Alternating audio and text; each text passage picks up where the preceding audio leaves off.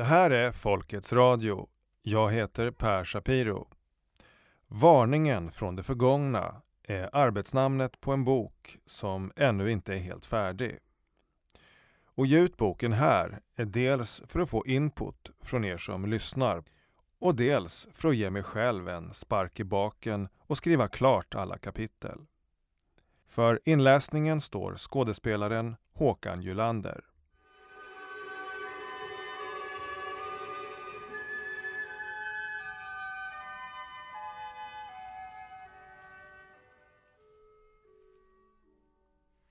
Inledning Alla mina medel är helt rationella. Det är mitt mål som är vansinnigt, säger kapten Ahab i romanen Moby Dick. Frasen skär som en kniv genom hela vårt civilisatoriska projekt. Vi är bra på att spränga fram gruvor, dämma upp sjöar och bygga stora städer där varje kvadratcentimeter är uppkopplad. Vi är inte lika bra på att fråga oss huruvida allt detta borde göras överhuvudtaget. Ahabs fras kan appliceras på mycket.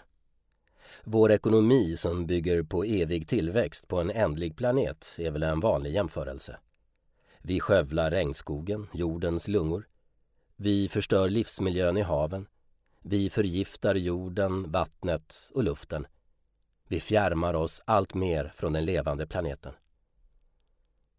Det går inte ens att försöka beskriva alla problem utan att det blir tröttsamma genomräkningar av sånt många redan är väl bekanta med.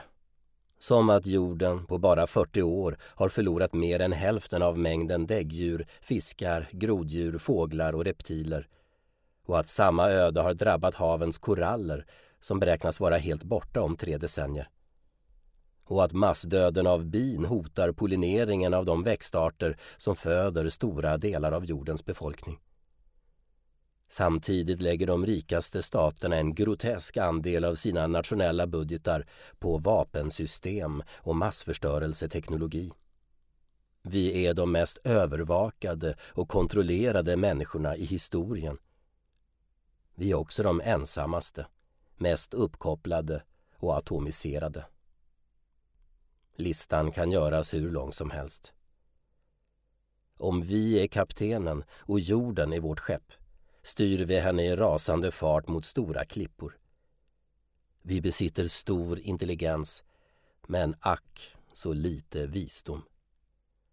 Visst, vi har våra framstegsteologer som tycks mena att vi lever i den bästa av tider. Men de har alltid det snävt mänskliga, det avskuret mänskliga för ögonen, inte den levande planeten. Är det inte lite som att säga att det aldrig har gått så bra för en kropp som är döende av cancer med hänvisning till att cancercellerna aldrig haft sån framgång som just nu? För att hålla kvar vid de nautiska metaforerna hur har vi som art kunnat navigera så fullkomligt vilse? Beror det uteslutande på mänskliga faktorer såsom girighet och kortsiktigt tänkande? Eller har vi som art blivit manipulerade? Och i så fall hur? Låt oss titta på två strategier som används för att, på individnivå såväl som kollektivt, bryta ner människor och göra dem lätta att styra och manipulera. Metoderna har tillämpats med framgång i årtusenden och torde ingå i varje totalitär härskarmanual. Vi kan för enkelhets skull tänka oss att det rör sig om en fanatisk sekt eller en destruktiv parrelation. 1. För det första ska sektens medlemmar fås att tro på något som inte är sant. Det räcker inte med att vilseleda enbart med något litet. Men om lögnen går på djupet och utgör fundamentet som en mängd centrala uppfattningar grundar sig på uppfattningar som sen i sin tur utvecklas och förgrenar sig vidare i nya villovägar, då har hjärntvätten lyckats. Det är inte sällan fråga om religiösa eller politiska dogmer. Det kan vara apokalyptiska scenarier vanliga hos olika undergångssekter men även hos den evangelikala massrörelsen i USA. I boken 1984 beskriver Orwell hur medborgarna måste fås att förstå att 2 plus 2 är lika med 5. De är såklart medvetna om att påståendet är felaktigt men de inser att det innebär negativa konsekvenser för arbete och karriär att säga sanningen att 2 plus 2 är lika med 4. I början av processen gör de vad många människor har lärt sig göra i olika förljugna sammanhang. De tänker en sak men säger en annan. Men den kognitiva dissonansen blir för jobbig i längden. Människor vill inte gå runt och känna att de ljuger. Så nästa steg i processen är att folk börjar integrera det falska påståendet och faktiskt börjar tro på att 2 plus 2 är lika med 5.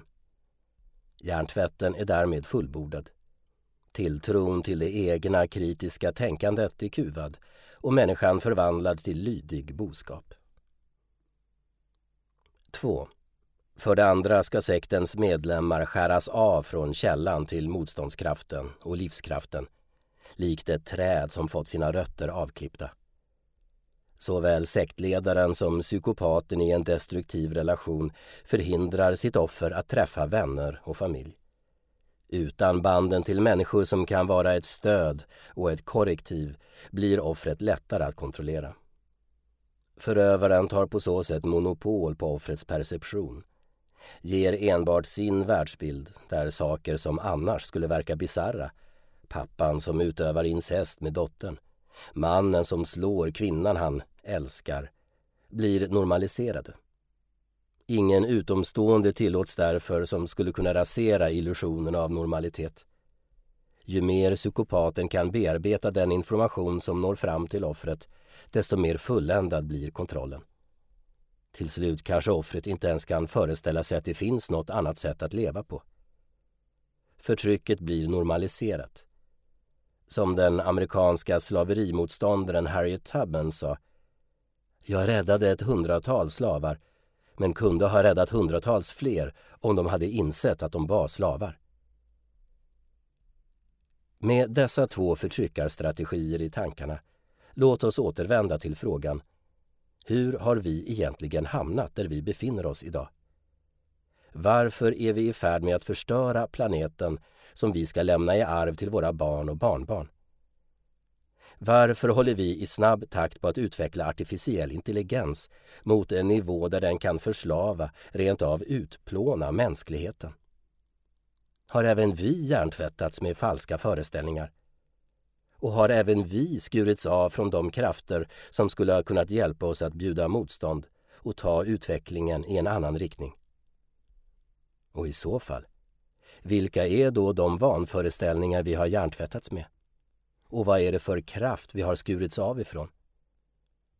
Dessutom, ifall vi blivit manipulerade, vilken är då sekten som ligger bakom?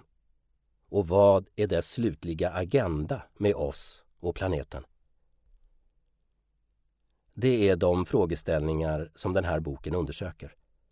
Sökandet tar oss tillbaka till gnostikerna, som vi förenklat kan kalla det förkristna Europas shamanistiska intelligentia och ett varnande budskap till mänskligheten som de grävde ner i jorden för snart 1700 år sedan.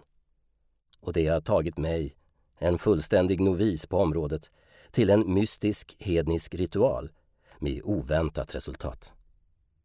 Någon ska ha sagt jag började med att studera hur pornografi förnedrar kvinnor och slutade med att ifrågasätta den västerländska civilisationen. Jag kan känna igen mig i det. Jag brukar också dra iväg åt de mest spridda håll när jag gör research. Att skriva den här boken har varit en lyx för mig i det avseendet. Att få arbeta med en trål som är så pass bred att den fångar in allt och lite till. Även om ämnet är hisnande stort är det på samma gång väldigt avsmalnat. En bok som söker svar på ovannämnda frågor kunde gott och väl vara på tusen sidor. Jag har försökt hålla det så kort och kärnfullt som möjligt. Som bekant finns inget nytt under solen.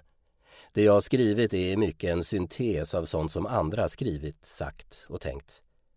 Det finns emellertid saker som är så pass viktiga att föra ut till det allmänna medvetandet att det inte gör något med lite upprepningar. I synnerhet inte när det handlar om den mest censurerade kunskapen i människans historia för att citera mytologiforskaren John Lamb Lash. En sak har jag övertygats om och det är också därför jag valt att skriva den här boken.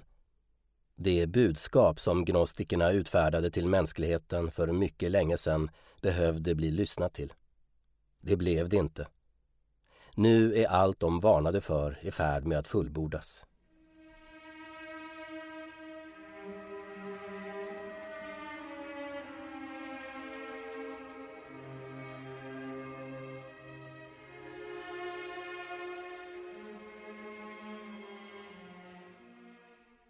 Kapitel 1 Det maligna beteendet Ett citat av en kanadensisk timmerman. När jag ser träd ser jag dollartecken. 1492, kort efter att Columbus som första anhalt anlände till det som idag kallas Västindien, rapporterade han hem om ett folk som verkade leva på ett helt annat sätt än européerna. De är okonstlade och generösa med vad de har, så till den grad att ingen som inte sett det skulle tro det. Oavsett vad de har, ifall man ber om det, säger de aldrig nej och de visar sån kärleksfullhet så de skulle kunna skänka bort sitt hjärta.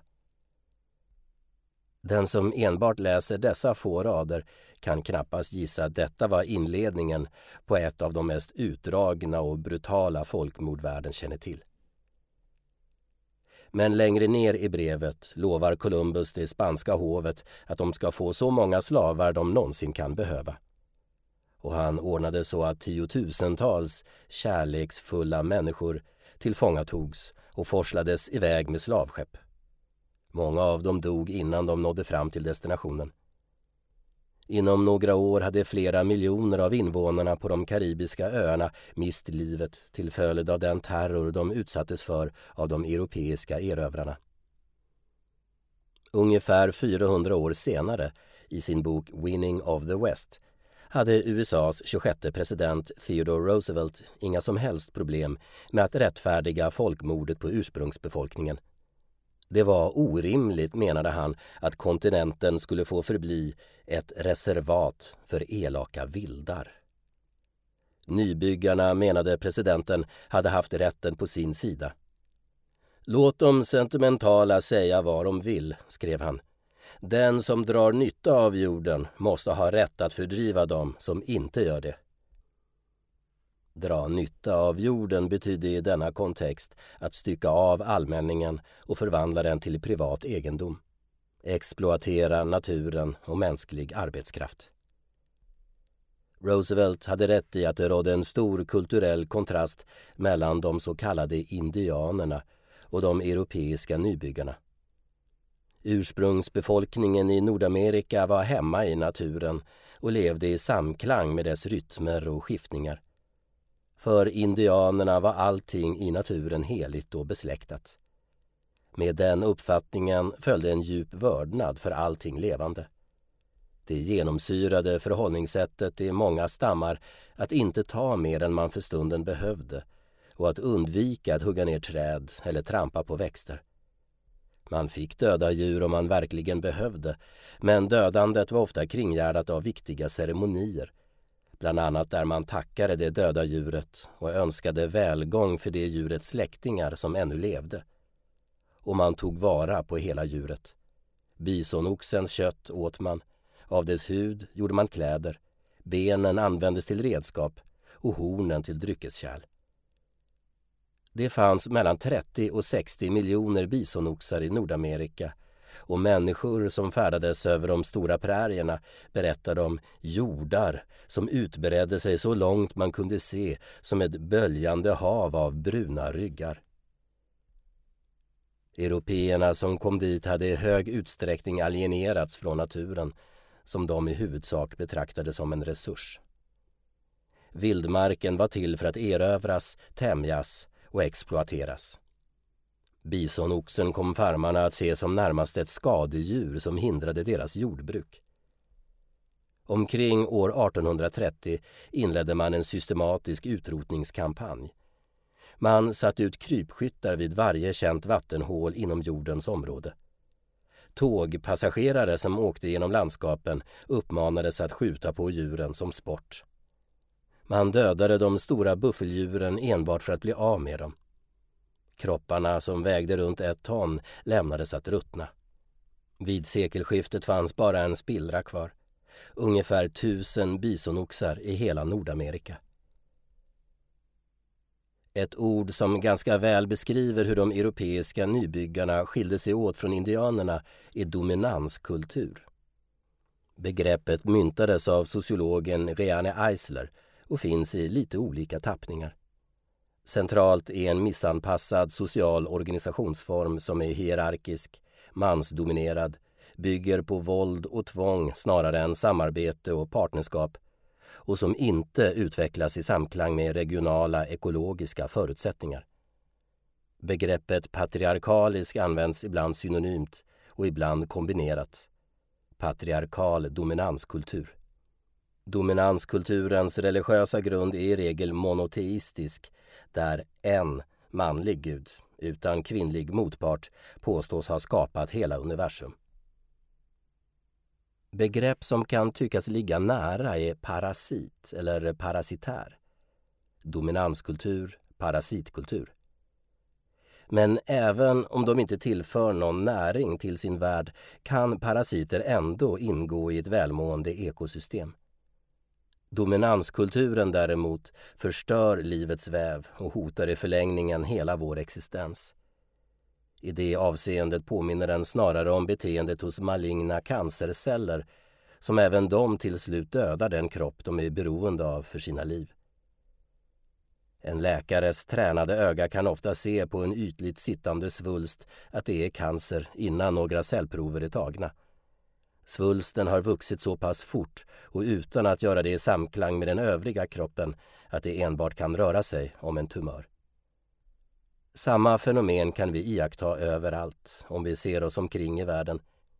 Titta på våra högteknologiska megastäder med skyskrapor, industrilandskap och tolvfiliga motorvägar. Explosionen av urban expansion är uttryck för samma sorts tillväxt som cancersvulsten. Det är inget som växer organiskt i samspel med det livets väv som omger den. Det är ett växande som, detta är centralt, tar av andras livskraft utan att ge någonting tillbaka. Det är bara på det exploativa sättet något kan växa så fort. Hybris brukade det kallas för. Och hybris passerar aldrig ostraffat. Livskraften är inget lydigt offer som stannar kvar i den destruktiva relationen. Den slår tillbaka med förödande kraft. En del indianer ansåg att de europeiska nybyggarna bar på en form av galenskap. Den ursprungsamerikanske författaren Jack Forbes för i sin bok Columbus och andra kannibaler fram uppfattningen att Columbus och många med honom var drabbade av wetico, en sorts själsligt virus som fanns beskrivet hos flera stammar. En wetico-person eller wetico-kultur uppvisar en omättlig girighet och glupskhet. Forbes beskriver Wetikon som en kannibal men inte i den traditionella meningen där vissa folk i ritualer kunde äta en portion av fiendens kött för att visa respekt och för att få del av dennes styrka. Nej, här handlar det om den hänsynslösa exploateringen, det bildliga ätandet och utsugningen av andra levande varelser enbart för den egna vinningens och tillfredsställelsens skull. Wetiko-kannibalen konsumerar andras livskraft utan att ge någonting tillbaka av sin egen. Här finns ingen respekt för det liv man konsumerar. Ingen tillhörande meningsfull andlig ceremoni eller ritual. Bara rå konsumtion för egen profit, genomförd på ett fult och brutalt sätt. Forbes anser att våldtäkten av en kvinna och våldtäkten av ett land och av ett folk är i grunden samma sak. Detsamma gäller våldtäkten av jorden, floderna, luften, skogarna och djuren. De är alla uttryck för wetico. Det är alltså inget vanligt virus det rör sig om. Författaren Paul Levy, som ägnat en hel bok åt att vrida och vända på wetico-begreppet, beskriver det som ett fenomen på kvantnivå som opererar genom blinda fläckar i vårt undermedvetna. Han liknar det vid en bugg i systemet. Precis som vissa datorvirus kan programmera en dator eller ett operativsystem att förstöra sig själv kan Wetico-viruset programmera vår biologiska dator till att tänka och uppleva verkligheten på ett sätt som leder till vår undergång. Som en synonym till den indianska benämningen använder Livi ett uttryck han kallar elakartad egofreni. En hint om att det ytterst är en förvrängd jagupplevelse som genererar det maligna beteendet. En snarlik uppfattning framför även den schweiziske kemisten och mystikern Albert Hoffman i boken LSD, My Problem Child.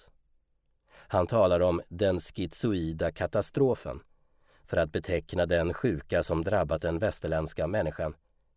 Det tillstånd där jaget och världen i den upplevda verkligheten är separerade. Han skriver Upplevelsen av världen som materia, ett objekt, som människan står i motsatsförhållande till, har gett upphov till den moderna naturvetenskapen och teknologin. Med deras hjälp har människor kuvat världen. Rikedomarna har exploaterats på ett sätt som kan karaktäriseras som plundring och den teknologiska civilisationens främsta prestation, komforten i det västerländska industrisamhället, står öga mot öga med en katastrofal förstörelse av miljön.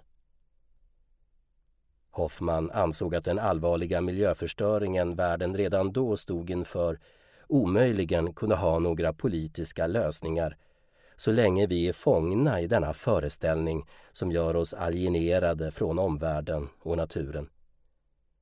Ödeläggelsen av den levande planeten och dess invånare, menar Hoffman, kunde aldrig ha åstadkommits av ett medvetande i vilket människan upplever sig existera som en del av livets väv i naturen. Upplevelsen av det separata jaget är också central i alla system som bygger på dominans och underordning.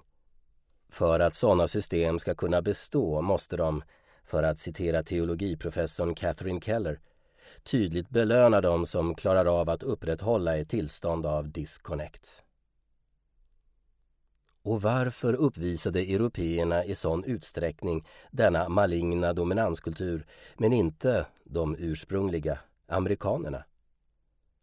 En viktig förklaring kan enligt Paul Levy vara kollektivt trauma. När vi är traumatiserade, menar han, agerar vi omedvetet ut den oläkta skadan. Vi terroriserar och försöker döda i andra det som tycks ha blivit dödat inom oss själva. Med andra ord kanske man kan säga om Columbus förslavande av de kärleksfulla människorna att det var reaktionen hos ett stympat Wetiko-psyke på människor vars psyke ännu var intakt. Européerna hade, som vi ska se i det tredje kapitlet, fått sin ödmjukhet inför naturen och livet förstörd. Det var alltså en traumatiserad kultur vars företrädare kommit att se på naturen som döda objekt att exploatera som riktade sitt genocidala våld mot människor som ännu såg naturen som nära släktingar att ingå i relation med.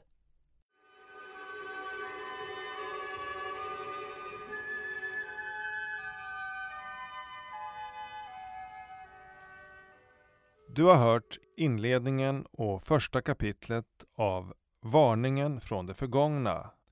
Följ fortsättningen här i Folkets Radio.